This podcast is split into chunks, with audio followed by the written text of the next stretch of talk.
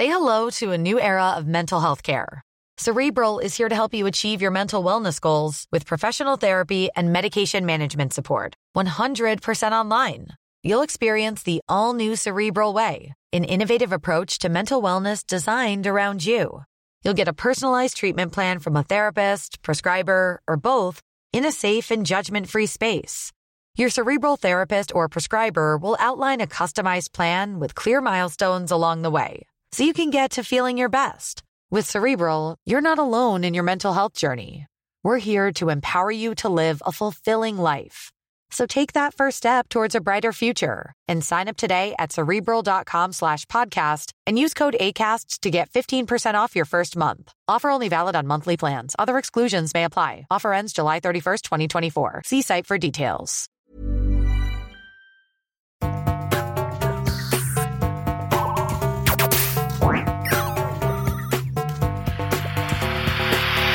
Jeg heter Sondre Risholm Livrød. Jeg er psykolog, og dette er Webpsykologens podkast. Hverdagspsykologi for fagfolk og folk flest.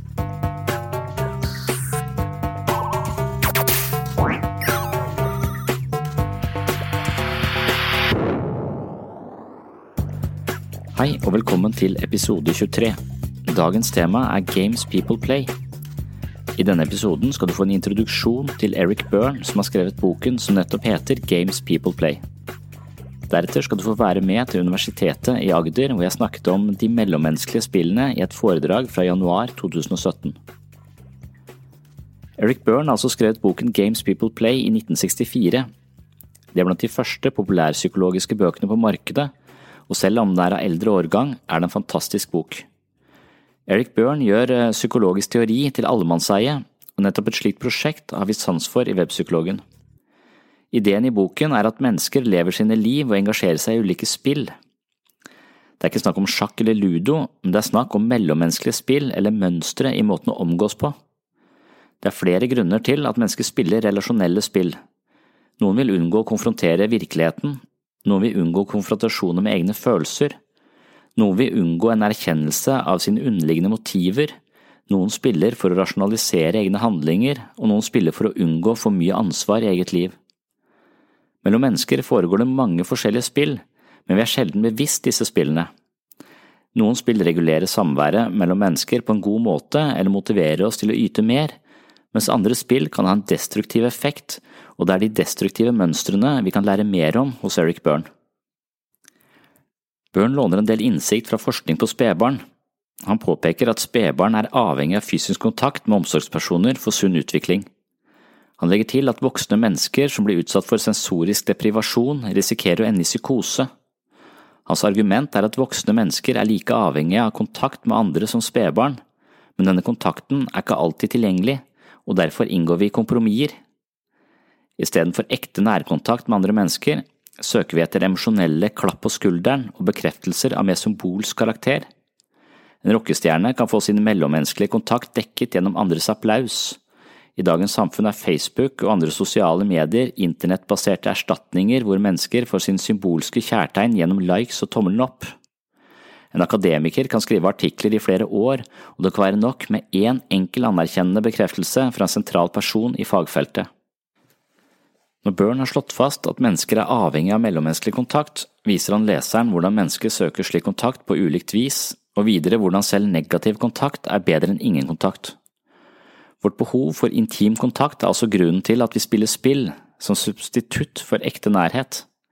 Et sosialt spill, slik Byrne beskriver det, kan sammenlignes med andre spill som poker, men de sosiale spillene er på sett og vis mer subtile, og det er sjelden at vi som mennesker er oppmerksomme på at vi er i gang med et spill. Når vi spiller et spill, er det for å nå et mål eller høste en gevinst, og det foregår mellom mennesker hele tiden i mer eller mindre forutsigbare mønstre. Vi skjuler gjerne kortene vi har på hånd for at vi ikke skal avsløre vårt egentlige mål. Spillene foregår på alle arenaer fra arbeidsliv til privatliv. I våre nære relasjoner spiller vi gjerne om en eller annen følelsesmessig tilfredsstillelse eller om mer kontroll. I næringslivet spiller man om flest mulig kunder eller aksjekurser i egen favør. Byrne starter ut med den såkalte transaksjonsanalysen, hvor han baserer seg mye på en slags videreutvikling av Freuds psykoanalyse. Børn bygget eh, angivelig mange av sine teorier på en uttalelse fra en pasient. I terapi hadde han hatt en eh, mann som innrømmet at han egentlig var et barn i en voksen manns kropp. I det videre terapiforløpet med denne mannen kunne Børn finne på å spørre om det var den lille gutten eller den voksne mannen han snakket med. I dette spørsmålet ligger kjernen i Burns teori, nemlig antagelsen om at mennesker fungerer i tre forskjellige moduser, som ofte motsier hverandre. Foreldremodusen her fungerer man med holdninger og tenkemåter til en foreldrefigur. Dette ligner Freuds superego, hvor foreldrerollen er inkarnert. Det dreier seg om fornuftige råd, regler for hvordan man skal og ikke skal oppføre seg, normer og føringer for god dannelse, takt og tone. Eventuelt litt eh, moraliserende, bedrevitende og konformt. Dernest har vi det som kalles voksenmodus, her fungerer man som en eh, moden voksenperson, kjennetegnet av eh, rasjonalitet, objektivitet og rimelig god virkelighetsorientering. Den siste modusen eh, er det som kalles barnemodus. Her reagerer og føler man som et barn. Man vil kjenne seg igjen i barnemodus når man krangler. Ofte kan voksne mennesker regredere til fire års stadium når de krangler med ektefelle eller andre som står dem nær. Mange arveoppgjør blir vanskelige fordi partene plutselig befinner seg på et nivå som alle utenforstående, altså voksne, ville karakterisere som direkte barnslig, smålig og egosentrisk. I disse modusene kjenner vi altså løselig igjen Freuds superego, altså foreldrerollen, ego, den voksne personen, og id, barnemodus. Eric Byrne forklarer hvordan alle mennesker veksler mellom ulike moduser i ulike situasjoner. Vi kan være i barnemodus på en positiv måte når vi er lekne, nysgjerrige og kreative, uten å være begrenset av den voksne konformiteten eller foreldrenes innskrenkende formaninger. Men vi kan også være i barnemodus på en negativ måte når vi ikke evner å se andres perspektiver og fanges av egne følelser og behov. Vi kan med andre ord være produktive eller destruktive i alle de tre modusene. Når vi spiller et spill, inntar vi en bestemt strategi som enten skriver seg fra voksen-, barn- eller foreldremodus. Istedenfor å forholde oss nøytrale, genuine og fortrolige eh, for å nå våre mål, føler vi behov for å agere som en kommanderende forelder, en stridig unge eller med kald rasjonalitet eller en aura av pålitelighet tilsvarende en voksen person. Byrne har gitt de ulike spillene navn som det er lett å huske. Han forklarer oss hvordan vi i møte med andre kan forstå våre egne reaksjoner, hvorfor vi av og til føler oss underlegne, oversett, ansvarlige eller dominerende, i en del forhold er maktbalansen jevn, og det er som regel utgangspunktet for en god relasjon. I likestilte forhold er det mindre behov for å spille subtile spill for å vinne anerkjennelse, omsorg eller forsvare territorium. Andre forhold kan imidlertid være mer preget av ubalanse, og da er det mer sannsynlig at partene spiller et subtilt spill eh, om en eller annen følelsesmessig gevinst. Jeg vil kort se på et par av de mest kjente spillene, og jeg vil begynne med det som heter Hadde det ikke vært for deg-spillet. Dette er et av de vanligste spillene som foregår i ekteskap. Den ene parten klandrer den andre for å stå i veien for deres utfoldelse. Hadde det ikke vært for at du holder meg tilbake, kunne jeg gjort både dette og hint. Byrne foreslår at folk velger sin partner i et slags ubevisst ønske om visse rammer og restriksjoner. Han kommer med et eksempel på en dame som vil lære seg å danse, men gifter seg med en mann som ikke liker å gå ut, og dermed blir hennes sosiale liv begrenset. Hun melder seg opp til eh, et dansekurs på egen hånd og lærer seg det grunnleggende. Siden oppdager hun at hun er livredd for å danse offentlig, og hopper av kurset. Burns poeng er at mange mennesker skylder på sin partner for begrensninger som egentlig ligger i dem selv. Ved å spille spillet Hvis ikke det var for deg, slipper man å ta ansvar for sine egne komplekser fordi begrensningene skyldes partners tilkortkommenhet. Dette blir en variant av det spesielt Anna Freud kalte for projektive forsvarsmekanismer. Det vil si at vi ikke tar ansvar for eller erkjenner vanskelige følelser i oss selv, men feilaktig tilskriver vanskelighetene andre personer. Det er ikke jeg som er sur, det er du. Et annet mellommenneskelig spill kalles for ja-men-spillet. Dette spillet møter man ofte, og kanskje kjenner man seg igjen dersom man skal være helt ærlig. Som terapeut i gruppeterapi er det etter hvert eh, åpenbart at dette er et svært utbredt spill. Det hele begynner med at noen forteller om et problem de har, og en annen person responderer med å foreslå konstruktive løsninger på problemet. Dersom vedkommende med et problem hadde befunnet seg i voksenmodus, eh, hadde han eller hun sannsynligvis tatt til seg løsningene og reflektert over forslagene, men det er ikke slik man spiller ja-men-spillet. I dette spillet tar man imot løsningsforslagene, men diskvalifiserer dem. På den måten vinner man andres sympati fordi man har et problem eller en konflikt som er så vanskelig at andre løsninger forblir utilstrekkelige. Man befinner seg i eh, barnemodus, tiltrekker seg andres oppmerksomhet og støtte, og beholder oppmerksomheten og sympatien fordi ingen løsninger er gode nok. De som eh, stadig tilbyr løsninger og innspill, får anledning til å prøve seg i rollen som rådgivende forelder.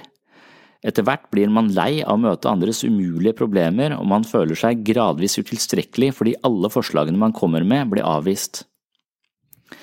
En lignende dynamikk er beskrevet i teorien om psykiske forsvarsmekanismer. Her er det spesielt Forsvaret som kalles hjelpeavvisende klage, som ligner ja-men-spillet. Hjelpeavvisende klage forekommer ofte hos personer som bærer på mye sinne og skuffelse. De sinte følelsene oppleves forbudte og uakseptable, og vedkommende evner ikke å finne et mer modent uttrykk for sin iboende irritasjon. Dermed kanaliseres sinnet ut i en ganske bestemt form for oppførsel og handling. Hjelpeavvisende klage innebærer at personen stadig beklager seg over sin helse eller livsproblemer med det tilsynelatende formålet å be om hjelp.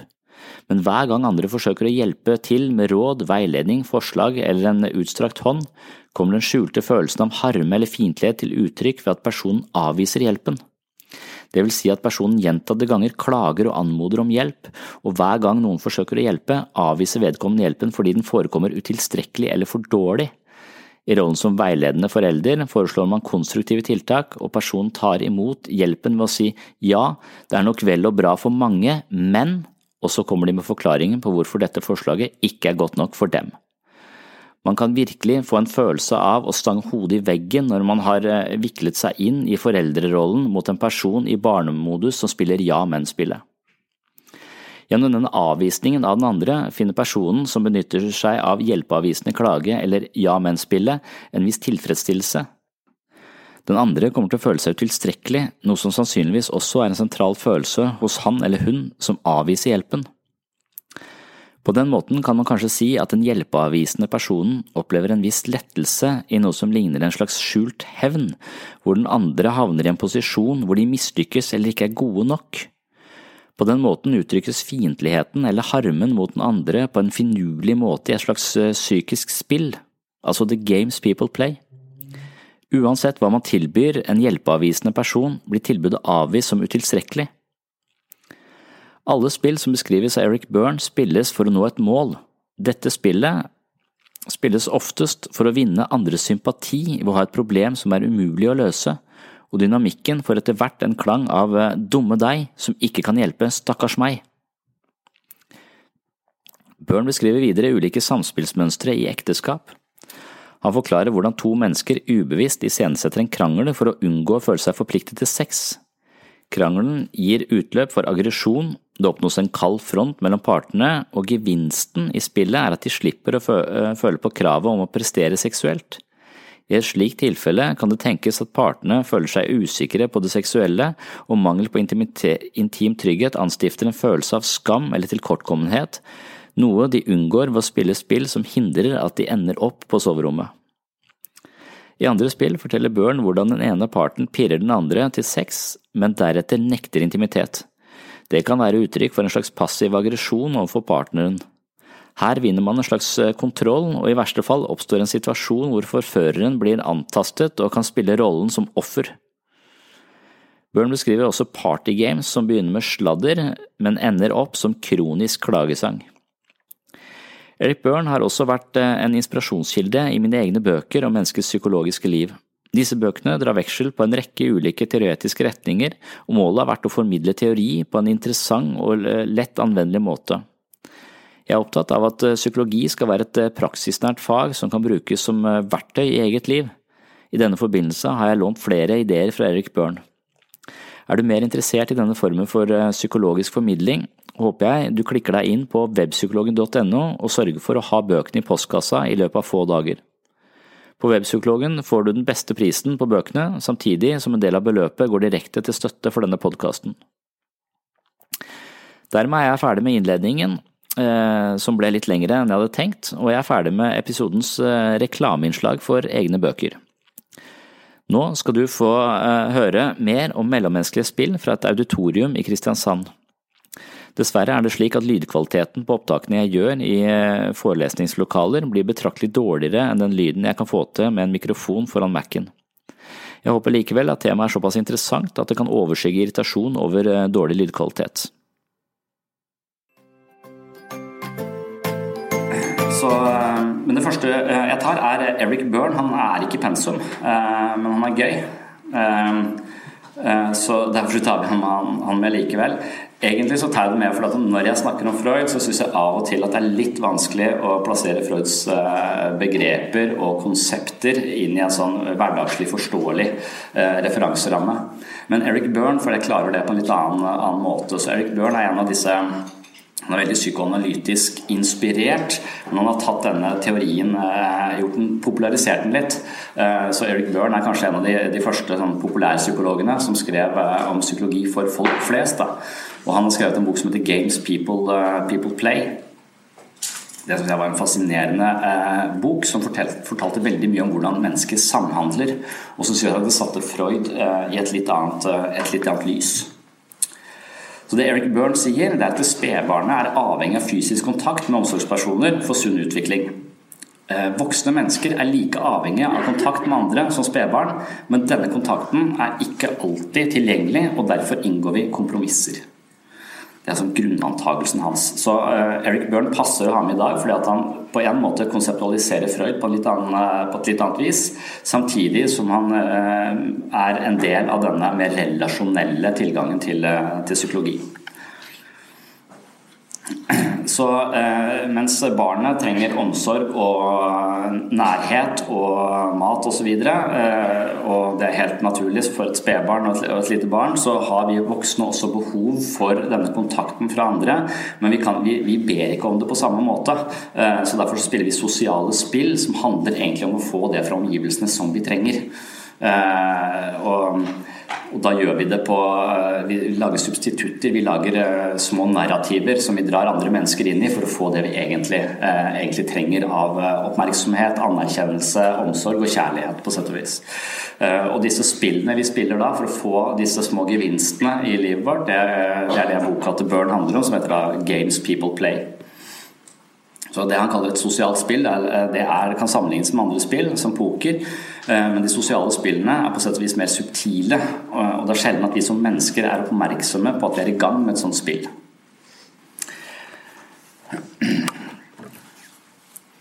I våre eh, nære relasjoner spiller vi gjerne om en eller annen følelsesmessig tilfredsstillelse eller om mer kontroll. I næringslivet spiller man om flest mulig kunder eller eh, aksjekurser i vår, i vår favør. Og, og det, det, som, det, som, vi skal huske fra Freud fra, for, fra forrige gang, det er jo bl.a. denne eh, modellen han har om vårt indre liv, hvor han sier at vi har et superego, et ego og et id. Det er det mest sentrale, det er det Freud er mest kjent for. Eh, han er også mest kjent for å skille mellom det ubevisste, det førbevisste og det bevisste. Eh, disse topografiske modellene av menneskets psykiske liv, det, det har vi fra, fra, Freud. Og det er en, en spennende måte å forstå, forstå mennesker på. Så, så vi hatt forrige gang, så Superego er der vi på en måte har internalisert alle disse formaningene og kravene som foreldrene våre sier. Du skal ikke gjøre sånn, du må gjøre sånn. Uh, gjør leksene dine, uh, vær snill og grei. Alle disse moralkodene og pliktene osv. De blir installert i det superegoet. Så når, når, foreldrene våre eh, krever at vi oppfører oss sånn og sånn, og, og, sier at hvis vi ikke gjør sånn og sånn, så får det konsekvenser, så, eh, så internaliserer vi dette, og det lagres i superego. Og senere i livet så vil det være den delen av oss selv som sørger for at vi gjør det som er mest eh, riktig og korrekt. Men så kan vi ha et helt forkrøpla superego som, at, eh, som har en kjemperigide holdninger til hva som er eh, riktig og ikke riktig, hva som er sømmelig og ikke eh, sømmelig. Sånn at det kan være en del Hvis superegoet er sterkt, så vil det ofte ha mye makt og på den måten sørge for at vi er mer orientert mot plikt og ordentlighet enn det å leve livet, nyte livet og ha det bra.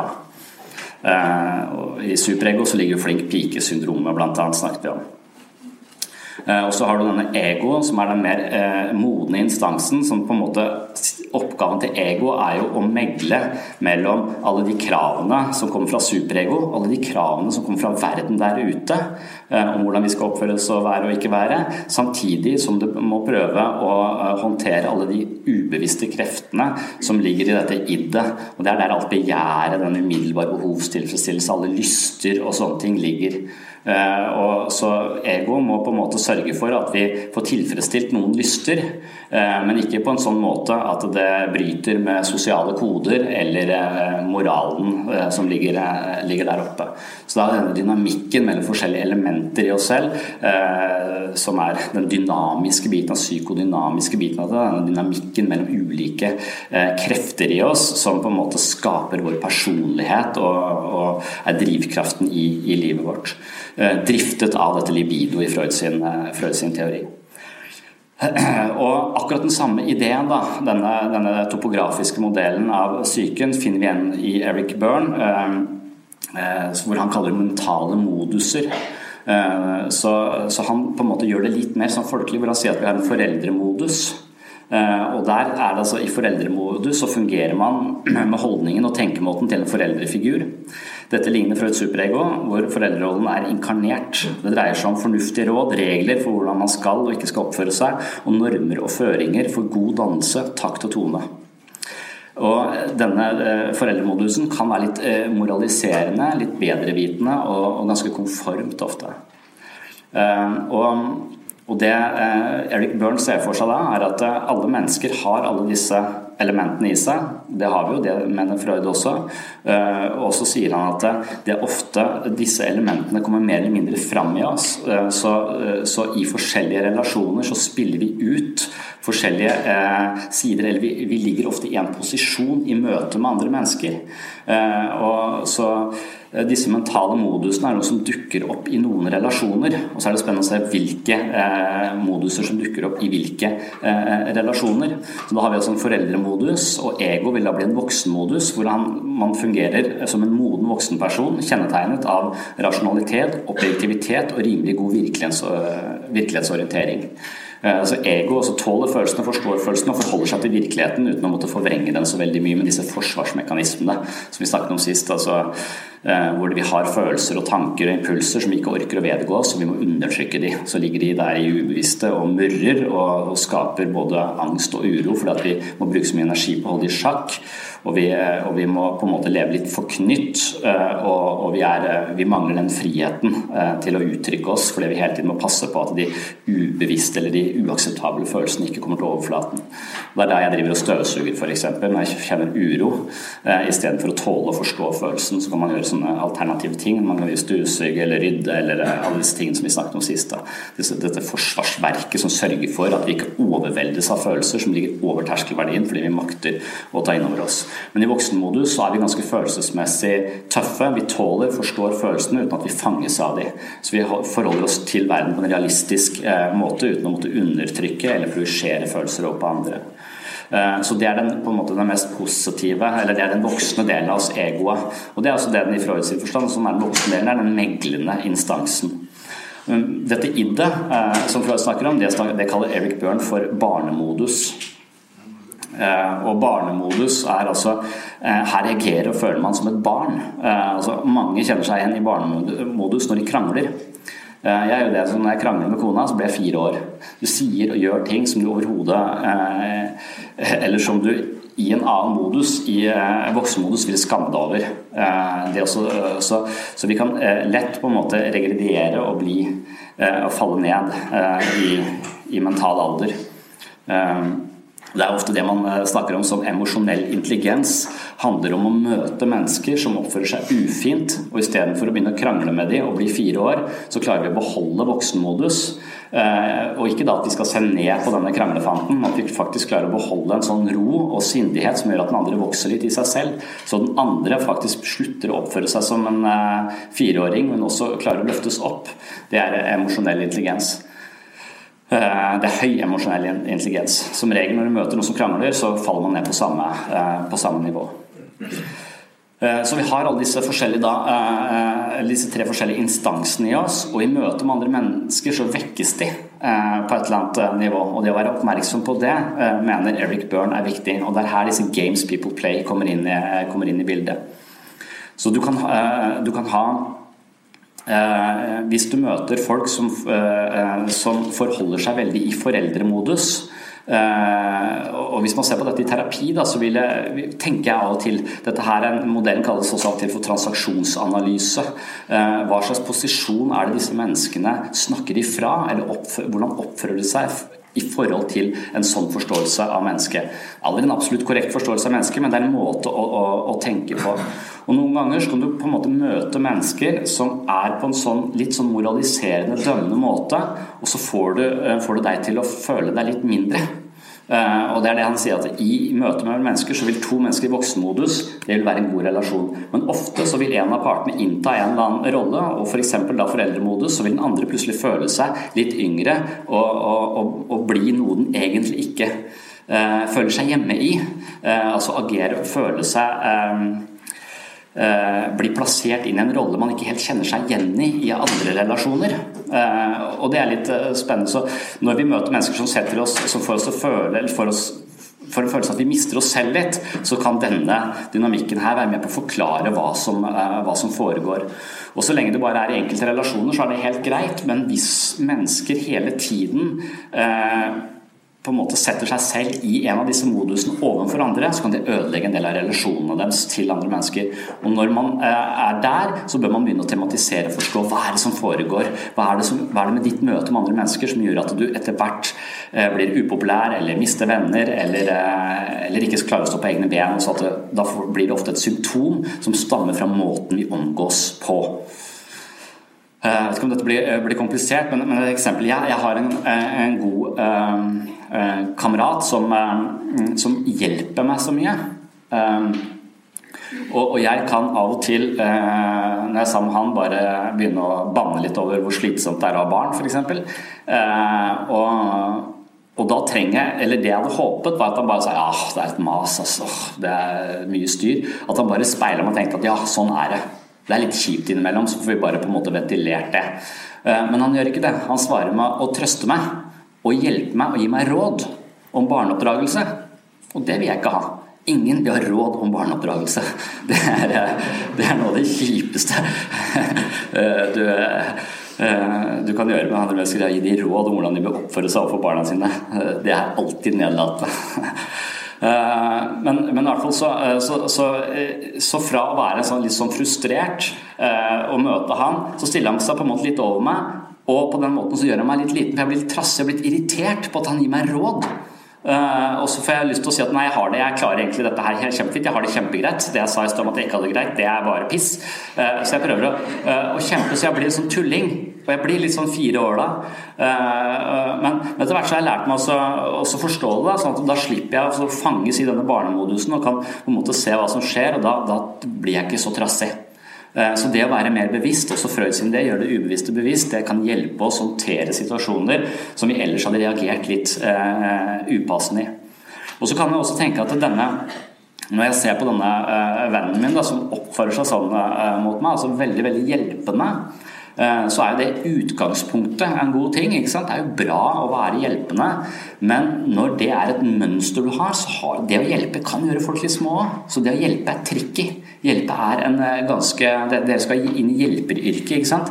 Og, og, det å hjelpe noen, det kan lett være så stille, overlig, dem. stille seg overlig. Og da, da, skjer det noe med, med relasjonen, så det skal man være litt bevisst, altså. Um, og, og, jeg tenker jo som så at denne eh, vennen min har et behov for, jeg, for å være viktig for meg. Han trenger at, eh, at jeg eh, liker han, og at, at, han eh, betyr noe for meg. Eh, og han gjør det på en litt sånn eh, vaklende måte ved å hjelpe meg litt mye. Eh, men så tenker jeg at eh, hvis du da istedenfor å fanges av det 'nei, jeg trenger ikke hjelp til det', eh, og tenker at dette er en form for omsorg, litt malplassert omsorg, den passer ikke helt på meg, men så lenge jeg ser det som omsorg, så kan jeg ha en empati med det, og da ikke bli treåringen. Så Det å være bevisst disse mønstrene kan være ganske, ganske avgjørende. Det skriver Eric Byrne veldig mye om. Han kaller det 'games people play'. Møter mellom, mellom mennesker. Jeg snakket om Niklas sist, er overlegen på, som jeg jobber sammen med. Niklas har en, en måte å være på Han er en fantastisk lege, det er derfor jeg tør å snakke, eh, snakke om han. Eh, men han har samtidig en sånn måte å være på så at når, jeg, når han kommer inn på mitt kontor, så blir jeg litt liten. Jeg krymper litt fordi han tar så mye plass. Jeg vet ikke helt hva det er for noe, men jeg pleier ikke å krympe. Jeg pleier også å beholde en slags uh, følelse av hvem jeg er og identitet. Men når jeg møter noen type mennesker, så får jeg et større behov for å hevde meg eller uh, si noe smart eller et eller annet. Jeg stresser litt. Uh, jeg klarer ikke å være helt avslappa. Og Det her bare skjer bare i noen få relasjoner. Hva skjer egentlig akkurat i møte med de menneskene? Hva blir jeg da? Og hvor mye handler om meg, og hvor mye handler om, handler om han? Normally, being a little extra might be a bit much, but not when it comes to healthcare. That's why United Healthcare's Health Protector Guard fixed indemnity insurance plans, underwritten by Golden Rule Insurance Company, supplement your primary plan so you manage out of pocket costs. Learn more at uh1.com. Ryan Reynolds here from Mint Mobile. With the price of just about everything going up during inflation, we thought we'd bring our prices down. So to help us, we brought in a reverse auctioneer, which is apparently a thing. Mint Mobile unlimited premium wireless. Ready to get 30, 30, bit to get 30, bit to get 20, 20, 20, bit to get 20, 20, bit to get 15, 15, 15, 15 just 15 bucks a month. So, Give it a try at mintmobile.com/switch. slash $45 up front for 3 months plus taxes and fees. Promo rate for new customers for limited time. Unlimited more than 40 gigabytes per month slows. Full terms at mintmobile.com.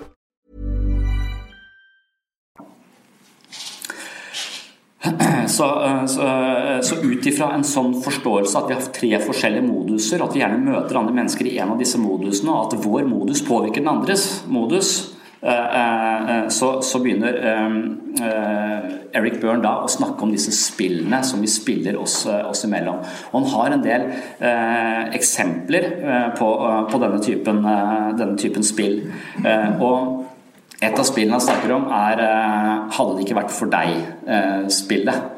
Uh, um, og Det er et spill som spilles i ekteskapet. Uh, og den, Han har et eksempel på det. Det er en dame som han snakker med, som, som sier at hennes liv er ganske miserabelt fordi hun kommer til å gifte seg med han der kjipingen som sitter borti stolen der og ser på Skavlan.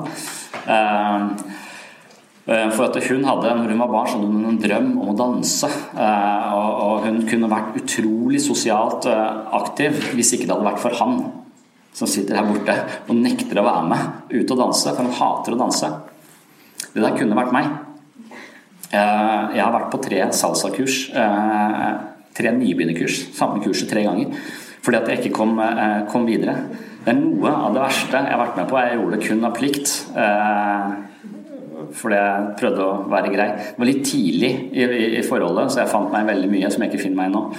Uh, for, å, uh, for, å, bli lik. Men, men, jeg var på disse forbanna dansekursene hvor det var en sånn stor, muskuløs fyr som sa at du må, du må, være mer på, du må vise at du har føring. Altså, veldig lite likestilling i dans.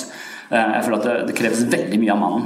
Du, liksom, du, være, du, må bare være trygg. Men jeg kan ikke bevegelsen. Jeg klarer ikke bevegelsen. Og når du ser på meg, så blir jeg til gelé. Eh, eh, så denne danselæreren er som bare var som en slags psykologisk vampyr. Så han bare tok all den selvtilliten.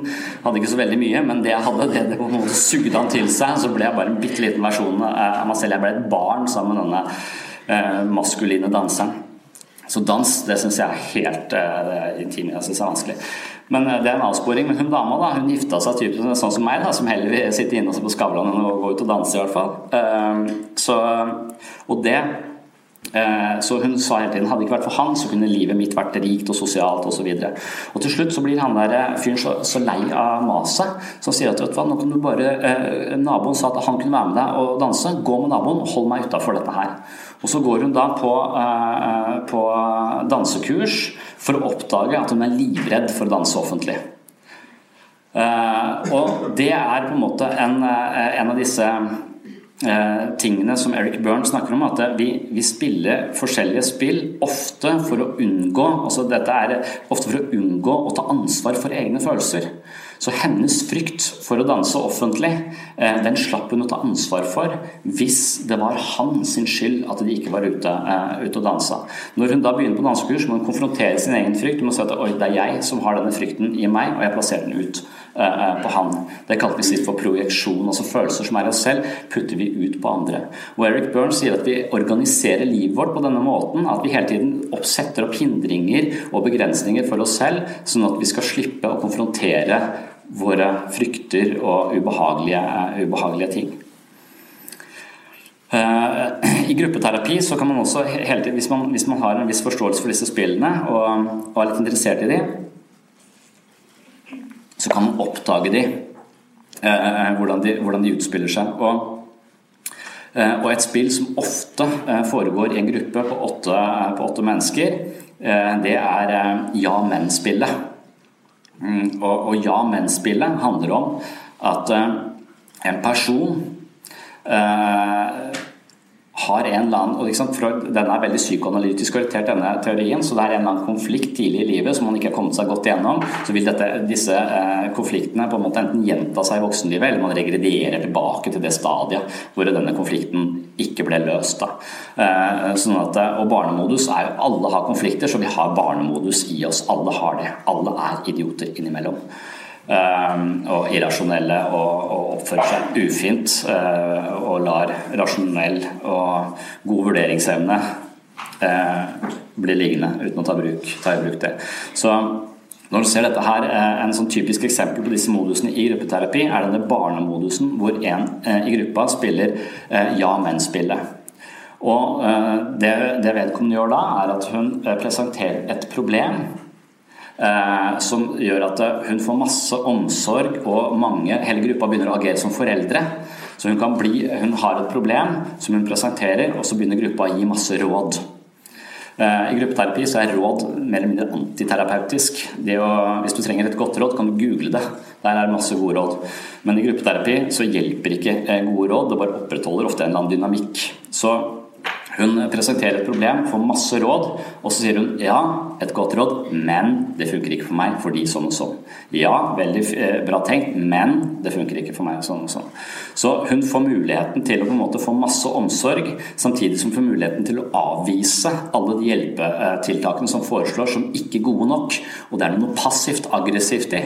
Det er også en forsvarsmekanisme som blandes inn i disse forståelsene. altså Det å avvise hjelpen er noe passivt aggressivt. Og samtidig som man kan få meg som at mitt problem er så vanskelig at det, det finnes ingen løsninger på det. Man kan få masse omsorg samtidig som du er ikke god nok til å hjelpe meg, dine forslag er ikke bra nok. Eh, så da blir det ofte sånn dynamikk hvor hver gruppe begynner med at vedkommende presenterer et problem, og dette her utspiller seg masse, masse råd. Hun sier ja, men, bra råd, men det passer, eh, passer ikke. Så da får du eh, ja, men-spillet, hvor denne pasienten får lov til å være i barnemodus, og alle gruppa får lov til å agere som foreldre, og så blir du dritlei av det på et eller annet tidspunkt. Og når denne personen går rundt i livet og gjør dette, presenterer masse vanskelige problemer, og alle forslag blir bare avvist, istedenfor å tenke ja, det var kanskje å gi den andre en følelse av å være tilstrekkelig, eh, så gjør du bare at denne barnet, barnets største følelse, eller barnets vanskeligste følelse, er denne hjelpeløsheten. Og ved å agere på denne i dette ja-men-spillet, så tar de sin egen hjelpeløshet og legger de over i andre, så kan de også bære det litt igjen projektivt. Så jeg kan, eh, kan, på en måte håndtere min egen hjelpeløshet og la, den, eh, la andres hjelpetiltak ikke være gode nok. Og Da blir man som hjelper dritlei på et eller annet tidspunkt, og, og, og så blir man irritert. Og så, vil det være det mønsteret, dette relasjonelle mønsteret som dette mennesket stadig vekk eh, går inn i. Så istedenfor å gi en person råd, Eh, når du ser at dette mønsteret stadig vekk gjentar seg, eh, så er vi nødt til å tematisere mønsteret. Og Det er forskjellen på en vanlig samtale og en psykoterapisetting, hvor vi skal prøve å tematisere mønstrene. Vi skal ikke forklare hva som er Det å gi råd er ikke spesielt terapeutisk. Jeg husker det var spesielt en dame da, som, som satt og hadde spilt dette spillet, og hun sa at ja, nå har jeg et problem igjen. og Eh, det var en gruppe som, eh, som, var ganske ny, og eh, det var en i gruppa som ikke hadde sagt noe på Gruppa hadde foregått i to, to, holdt på to måneders tid. En i gruppa hadde ikke sagt noe ennå. Han var eh, sannsynligvis homofil og hadde veldig problemer med å, å, snakke om dette for faren sin, som var veldig dømmende i forhold til homofile osv. Og så åpner gruppa, og så venter egentlig folk litt på at han skal si noe. Det, og det virker som han var på vei til å si noe, men han er litt langsom, så han bruker litt lang tid eh, på å komme i gang. For han er veldig nervøs og usikker på seg selv osv. Men de fleste sitter og ser på han og gir han litt tid og er ganske romslig med han. Men hun ene dama her, hun eh, har ikke den sensitiviteten, så hun bare sier ja, hvis ingen skal si noe, så har jeg et problem. Og så er vi i gang. Der kommer problemet. Ja, nå har tanta mi kommet på besøk, hun kom på fredag, og nå, eh, nå vil jeg ikke flytte igjen. Og så klarer jeg ikke å si til at hun må, hun må gå. Så begynner gruppa nei, har du prøvd å bytte lån? Lås? Har du begynt å røyke ut? Har du prøvd å ta livet av henne? Eh, hvordan, eh, masse gode råd for hvordan du skal bli kvitt ei tante som du ikke vil at skal, eh, skal overnatte. Og så kan man holde på lenge. Man kan si ja, men det å ta livet av noen, det er ikke så lurt. Ja, men det å røyke det ut, funker egentlig det. Så, så vi er inne i dette, eh, dette, dette spillet. Så det å tematisere det og si at dette er det du alltid gjør, du setter deg i en posisjon hvor du presenterer et problem, og alle de forslagene du får, de avviser du som ikke gode nok. Folk blir lei av deg, de får en følelse av håpløshet. Og problemet ditt er ikke bare dette at du, eh, du har ei tante som ikke vil flytte ut, men problemet ditt er også at du tar så mye plass, du er insensitiv for andres eh, behov. Så når eh, han der er i ferd med å si noe, så bryter du ofte inn.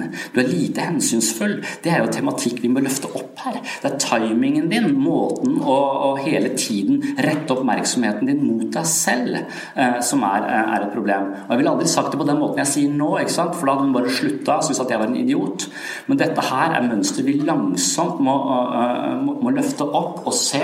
Og hvis personen kan se det, så kan de jobbe med å være mer lyttende til andre mennesker. Uh, passe på at de ikke går inn i denne hele tiden uh, posisjonen hvor de ber om hjelp, men avviser hjelpen osv. Så dette er en annen måte å, å tenke om Freud sine forskjellige eh, superego, ego og id på. Eh, og det er satt litt mer inn i en eh, kontekst som kan være litt lettere, eh, lettere å forstå.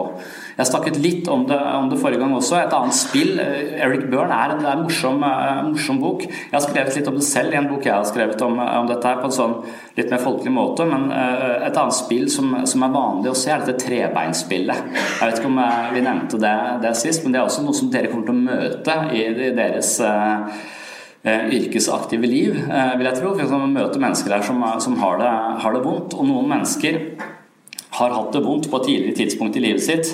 Eh, nå har de ikke de, eller de har ikke de forholdene rundt seg som gjør at de kan ha det vondt, men de klarer fortsatt ikke å leve videre fordi de eh, henger fast eh, i den smerten som var, var tidligere. Og vi snakket om sist i forhold til han han der som røyker hasj og hater Arbeiderpartiet. Det, det er denne posisjonen hvor han, hvor han, har blitt trakassert av faren sin og lært å kjenne på seg selv som et offer for de som er større og sterkere enn meg selv. Man kan ha det ved mobbing også, eh, men eh, når man da blir voksen og pappa er død og mobberne er, er, borte, så fortsetter du å beholde denne posisjonen hvor du ser på deg selv som et offer, og nå får da enten staten eller eh, Donald Trump Eller nå er vi alle et offer for Donald Trump, da. Det er jo helt faktisk, det er ikke bare en følelse vi har, er det det? Eller en psykologisk Men, men at vi vi gjenskaper disse, eh, disse, relasjonene fra tidligere. og Det er mye av temaet i dag. Hvordan vi gjenskaper tidligere relasjoner i, i, eh, i nye. Altså hvordan Det Freud snakket om sist, det er et veldig sentralt poeng fra Freud. altså At fortiden lever i, i nåtiden. Og trebeinspillet kaller Eric Byrne det, fordi at det er mennesker som sier at det pga. en forferdelig barndom, pga. alkoholproblemer, pga. Eh, traumer fra da og da, pga. regjeringa, pga. Nav, pga. alt mulig som ligger utenfor meg, så kan ikke jeg leve eh, et godt liv. Så man på en måte Pga. ytre faktorer så kan ikke jeg eh, leve livet mitt som, eh, som jeg vil. Jeg, det er helt håpløst. Det er ikke noe vits i, for verden suger, så jeg trenger ikke å å eh, ta ansvar selv. Eh, og Det er en måte å kunne da hvile hjemme og, røyke hasj og være forbanna på, istedenfor å ta ansvar for sitt eget, eh, for sitt eget liv. snakker jeg litt sånn fleipete om det, men det er, litt sånn satt på, satt på spissen, selvfølgelig, for, å, for, at dere ikke skal sovne rett etter lunsj og to timer med alternativ behandling eller noe sånt. ikke alternative sannheter, nei. Mm. Så trebeinsspillet sørger for at de hele tiden kan være i barnemodus, fordi at det er noen forferdelige eh, foreldre eller folk der ute som hindrer oss i å leve. Vi tar ikke ansvar eh, selv. Og Det er der han Ingvar Wilhelmsen sier til, eh, til pasienten sin at det er ikke mer synd på deg enn på andre. Og så, la, så, så, blir det såpass mye ståhei rundt den eh, kommentaren at det blir en hel bok av det. Jeg vet ikke om noen har lest den boka eller hørt Wilhelmsen. Han har skrevet en bok som heter 'Det er ikke mest synd på deg enn på andre'. Og da eh, snakker han til en eh, person som spiller trebeinspillet. Pga. at alle har vært så slemme og det og det og alle mulig sånt noe, eh, så, så, kan ikke jeg eh, leve videre. Og Da kan man på en måte som forelder trøste dette og være empatisk og forståelsesfull for det, men da kan det, man risikere at man også pleier barnemodus og lar personen få lov til å agere som et offer for livet. Eh, og da sørge for å begynne å hjelpe det på sånn måte at vet du hva, vi skal passe på at du ikke kommer i de møtene der på Nav. Nå skal jeg ringe til Nav istedenfor at du slipper å konfronteres der. Så begynner man å behandle denne personen som så skjør og sårbar at det å være ute i verden, det er livsfarlig for deg. Og, det er en del mennesker som har denne frykten i seg, som ønsker at verden skal forandre seg, og at verden skal være uten skarpe kanter. Og da prøver man å lage et Pluto lekeland. Uh, og, men det å prøve å lage verden om til et Pluto lekeland, det er ikke så lett. For det er en del skarpe kanter. Så istedenfor å prøve å forandre verden, så må man prøve uh, å forandre seg selv. Man må prøve å jobbe i sin egen styrke, hvordan man møter de utfordringene som er. jeg vet ikke om dere, Hvis dere har barn, så har dere vært på Plutos lekeland. Der er det jo helt umulig å slå seg. Det tror jeg også vi nevnte, nevnte forrige gang. Så eh, trebeinspillet eh, dukker opp, eh, og Wilhelmsen har tematisert det som det er ikke mer synd på deg eh, eh, enn på andre. Men effekten av det å si det da, var at denne dama ble forbanna. Hun syntes det var krenkende, og hun syntes Wilhelmsen var en stor idiot. Eh, så hun, ble, eh, hun, fikk lyst til å ta igjen, så hun begynte å eh, på en måte, Jeg vet ikke om hun saksøkte ham, men hun, hun, gikk til motangrep. Og med en gang du går til motangrep, så har du flytta deg selv fra et offer for Ingvar Wilhelmsen til å bli, bli en som tar igjen og står opp for seg selv. Og så, Det var det hun trengte. Hun trengte å ta ansvar for eget liv. Så det der finner jeg meg ikke i. Sånn kan du ikke istedenfor å bli lei seg og nedtrykt så er den posisjonen de har, den styrken, det å bygge autonomi og så dette finner jeg meg ikke i, det hadde en ganske stor effekt på denne dama. Gradvis så innså hun det. Og Det er veldig mange mennesker som kommer i, eh, i, terapi og har en forventning om at det er noe der ute, en medisin eller en eller annen eh, person som skal fortelle meg noe helt fantastisk med at det faller på plass på innsiden. Eh, men de blir, når de er ferdige, hvis de har klart å jobbe med seg selv på en konstruktiv måte, så ser de at det vendepunktet for min utvikling var når jeg skjønte at det ikke finnes noen reddende engel. At det er jeg selv, at forandring er noe innenfra ut, ikke utenfra inn. Selv om vi selvfølgelig skulle ønske at det fantes en eller annen medisin eller et eller annet som kunne få det til å øh, bli balanse her inne. Det, det, er jo ganske forståelig. Hvis barna mine får en eller annen alvorlig atferdsforstyrrelse, så vil jo jeg helst at det skal handle om en eller annen feilkobling i hjernen, i stedet for at det er jeg som er en udugelig pappa. Det er mye bedre for meg at det finnes en eller annen medisin som gjør at de øh, forandrer seg, enn at jeg må begynne å se på mitt eget mønster. Det er jo kjempeslitsomt og sannsynligvis ganske ubehagelig. Så, så, vi leter ofte etter ytre forklaringer på kompliserte øh, problemer, og det kan også disse kvadrantene si noe, øh, si noe om. Det var noen som spurte om dette med disse games people play. da. Eh, også at man godt kunne forstå det i relasjoner som i utgangspunktet var ujevne. Altså at overfor autoritetspersoner skal man føle seg, eh, føle seg mindre. Men det er ikke nødvendigvis det det er snakk om. Da. Det er snakk om eh, når like også at likestilte mennesker, som alle burde vært likestilte, men som møtes, mens det likevel oppstår en sånn dynamikk eh, hvor, hvor, det blir en skjevhet i, i, relasjonen. Og det kan oppstå i type alle relasjoner. Da. Og, og det, det, handler jo om en følelse av underskudd, og det er det eh, Eric Byrne begynner med å si. Som barn så trenger man noe fra omgivelsene, omsorg, oppmerksomhet og anerkjennelse for å føle seg hel og trygg og sterk på seg selv og vite hvem man er. Men så har man et visst behov for det også senere i livet. Men istedenfor å be om det direkte, si at 'jeg føler meg litt nedfor, kan du eh, trøste meg', så spiller man mer spill. Man går litt rundt grøten. Man tør ikke å be direkte om det man trenger. Eh, så, så derfor så spiller man heller, heller spill, så folk føler seg mer eller mindre forført inn i en rolle hvor de er nødt til å gi et eller annet annet som de da kanskje føler en viss motstand for, fordi man føler seg litt lurt. Eh, så, så, disse spillene han beskriver, er veldig sånn, litt sånn oppklarende. Man kan ofte se seg selv i forskjellige, eh, forskjellige situasjoner. Og jeg var i en situasjon nå, eh, for noen dager siden hvor jeg følte at dette, dette var på gang. Altså, en, i, min gruppe så er en koterapeut som er en fantastisk person. Eh, en sånn gjennomført, god og snill person, sånn jeg opplever henne. Og vi har jobba sammen i mange, mange, mange år, så jeg har sett mange sider av henne. Jeg kan ikke se noe jeg er ikke like veldig omsorgsfull og nær og varm eh, person. Og så sitter vi i en gruppesetting, da, og, så, og så er det en sånn målsettingsgruppe som vi har eh, hvert vårt ark eh, som vi skal skrive noe på. Og, så, og, så, går vi rundt, vi bruker halvannen time i den gruppa, og så går vi rundt hele. Og så, og så ligger det Min koterapeut har disse arkene, og så skal vi se på de underveis i denne samtalen som går. Og så går vi fra person til person, og når vi kommer da til siste mannen, så sier jeg at nei, jeg har ikke kunnet tenke på det, for jeg hadde ikke noe ark. Og har du sittet her nå i halvannen time uten å ha et ark? Ja, det var ingen som sa til meg at uh, jeg fikk ikke noe ark. Så, så, og, og, det hun gjør da, istedenfor å da kunne be om dette arket litt tidligere, jeg må også ha et ark, så blir dette en situasjon hvor min koterapeut blir helt sånn stressa. Uff, har jeg ikke tenkt på deg? Det er typisk, ingen tenker jo på deg, du blir jo bare forsømt, og uh, osv. Istedenfor at hun ba om dette arket, så blir hun nå for denne posisjonen hvor det er synd på meg, og faen ta deg for det du har oversett meg igjen.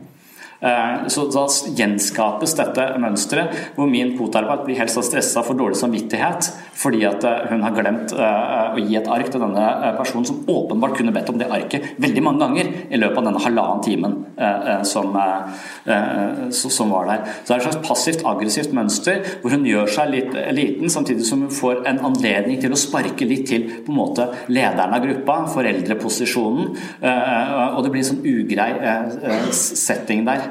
Eh, så da kommer disse forsvarsmekanismene er veldig sånn tett knytta eh, til, til, dette her også.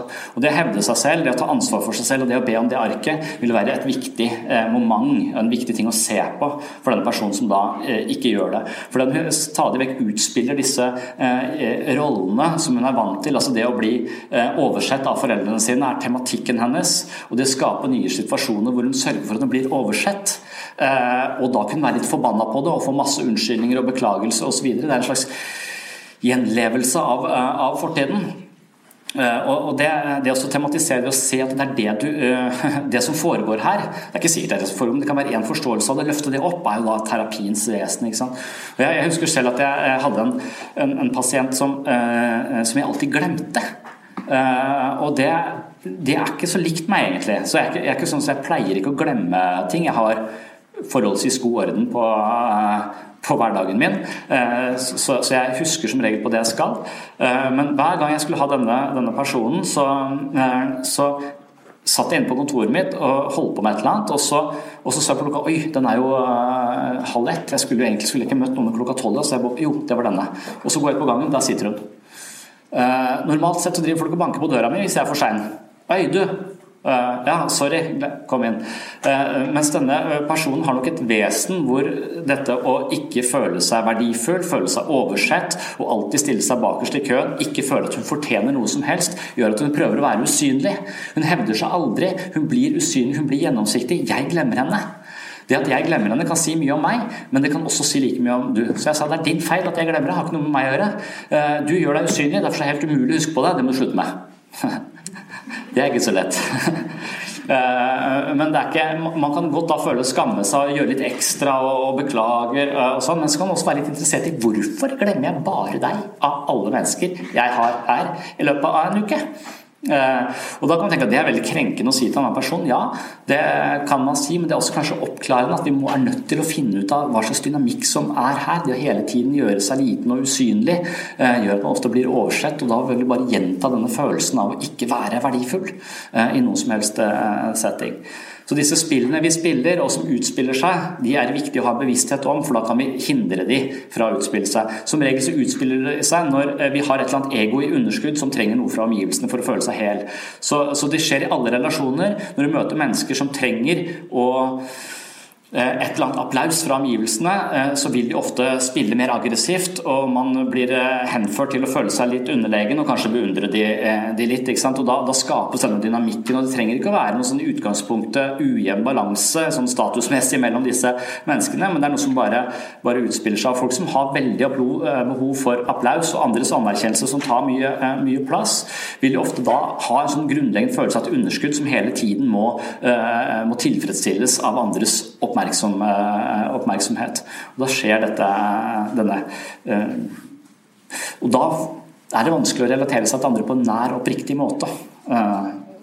Eh, så, så, det å være mest mulig oppriktig med sin behov, uttrykke det mest mulig direkte, istedenfor å spille alle disse spillene, ikke få dette arket osv., det er et type spill, så får hun jo masse oppmerksomhet, og syns veldig, folk syns veldig synd på henne, istedenfor å si at vet du hva, jeg har det kjipt, jeg har alltid hatt det kjipt, jeg trenger at noen tar vare uh, på meg. Det er mye mer oppriktig. Da hadde jeg hatt lyst til å gi henne en klem. Når hun gjør dette her, uh, og jeg ser at godtermen får så dårlig uh, samvittighet, og hun liksom sier seg, så blir jeg bare irritert på henne. Hun, får, hun, trenger min støtte. Min, på en måte, hun trenger at de menneskene som er rundt henne, liker henne, men måten hun oppfører seg på, gjør at jeg bare blir irritert isteden. Uh, og det er en sånn, uh, så Disse spillene kan, Vi kan ikke snakke mer om dem, men de er finurlige og de er, de er spennende å se på. Uh, og, jeg er veldig oppmerksom på det i Eh, når jeg møter mennesker at Noen mennesker forteller forferdelige historier fra, fra, livet sitt, og jeg føler en ekstrem medfølelse. Jeg bare syns at dette er helt forferdelig, og jeg får lyst til å gi det en klem. Eh, mens andre kan fortelle akkurat den samme historien, så føler jeg bare antipati og irritasjon. Eh, og der, det er en forskjell. Hvorfor er det noen jeg klarer å på en måte ha veldig medfølelse med, mens andre med en tilsvarende fortelling klarer jeg bare å irritere meg over. Uh, og Det kan handle om meg, men det kan også handle om noe av hvor mye ansvar de tar. Hvilken modus er det de forteller historien sin fra? Gjør de seg til et offer?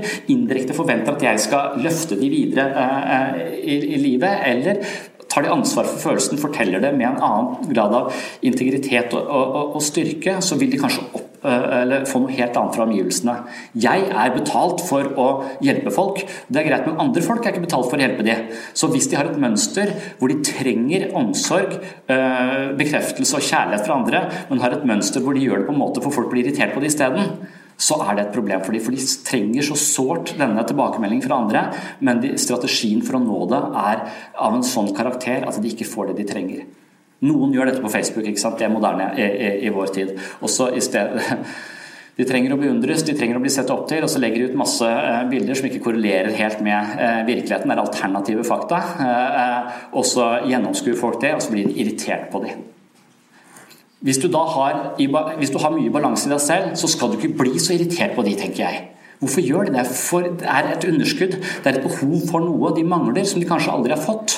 Og så prøver de å få det ved å fremstå uh, flott uh, i sosiale medier. Vet ikke, Kanskje vi skal gi de det? Uh, I hvert fall ikke bli så innmari irritert, tenker jeg. Det er mange som Ja.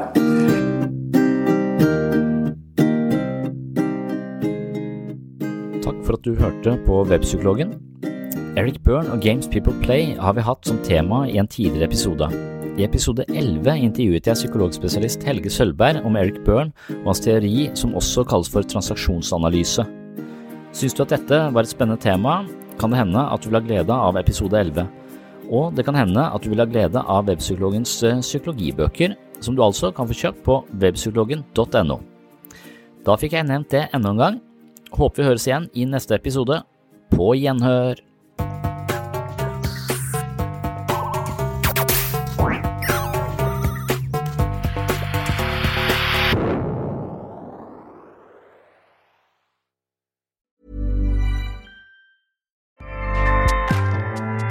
ACAST powers the world's best podcasts. Here's a show that we recommend. Hi, I'm Una Chaplin, and I'm the host of a new podcast called Hollywood Exiles. It tells the story of how my grandfather, Charlie Chaplin, and many others were caught up in a campaign to root out communism in Hollywood. It's a story of glamour and scandal and political intrigue and a battle for the soul of a nation.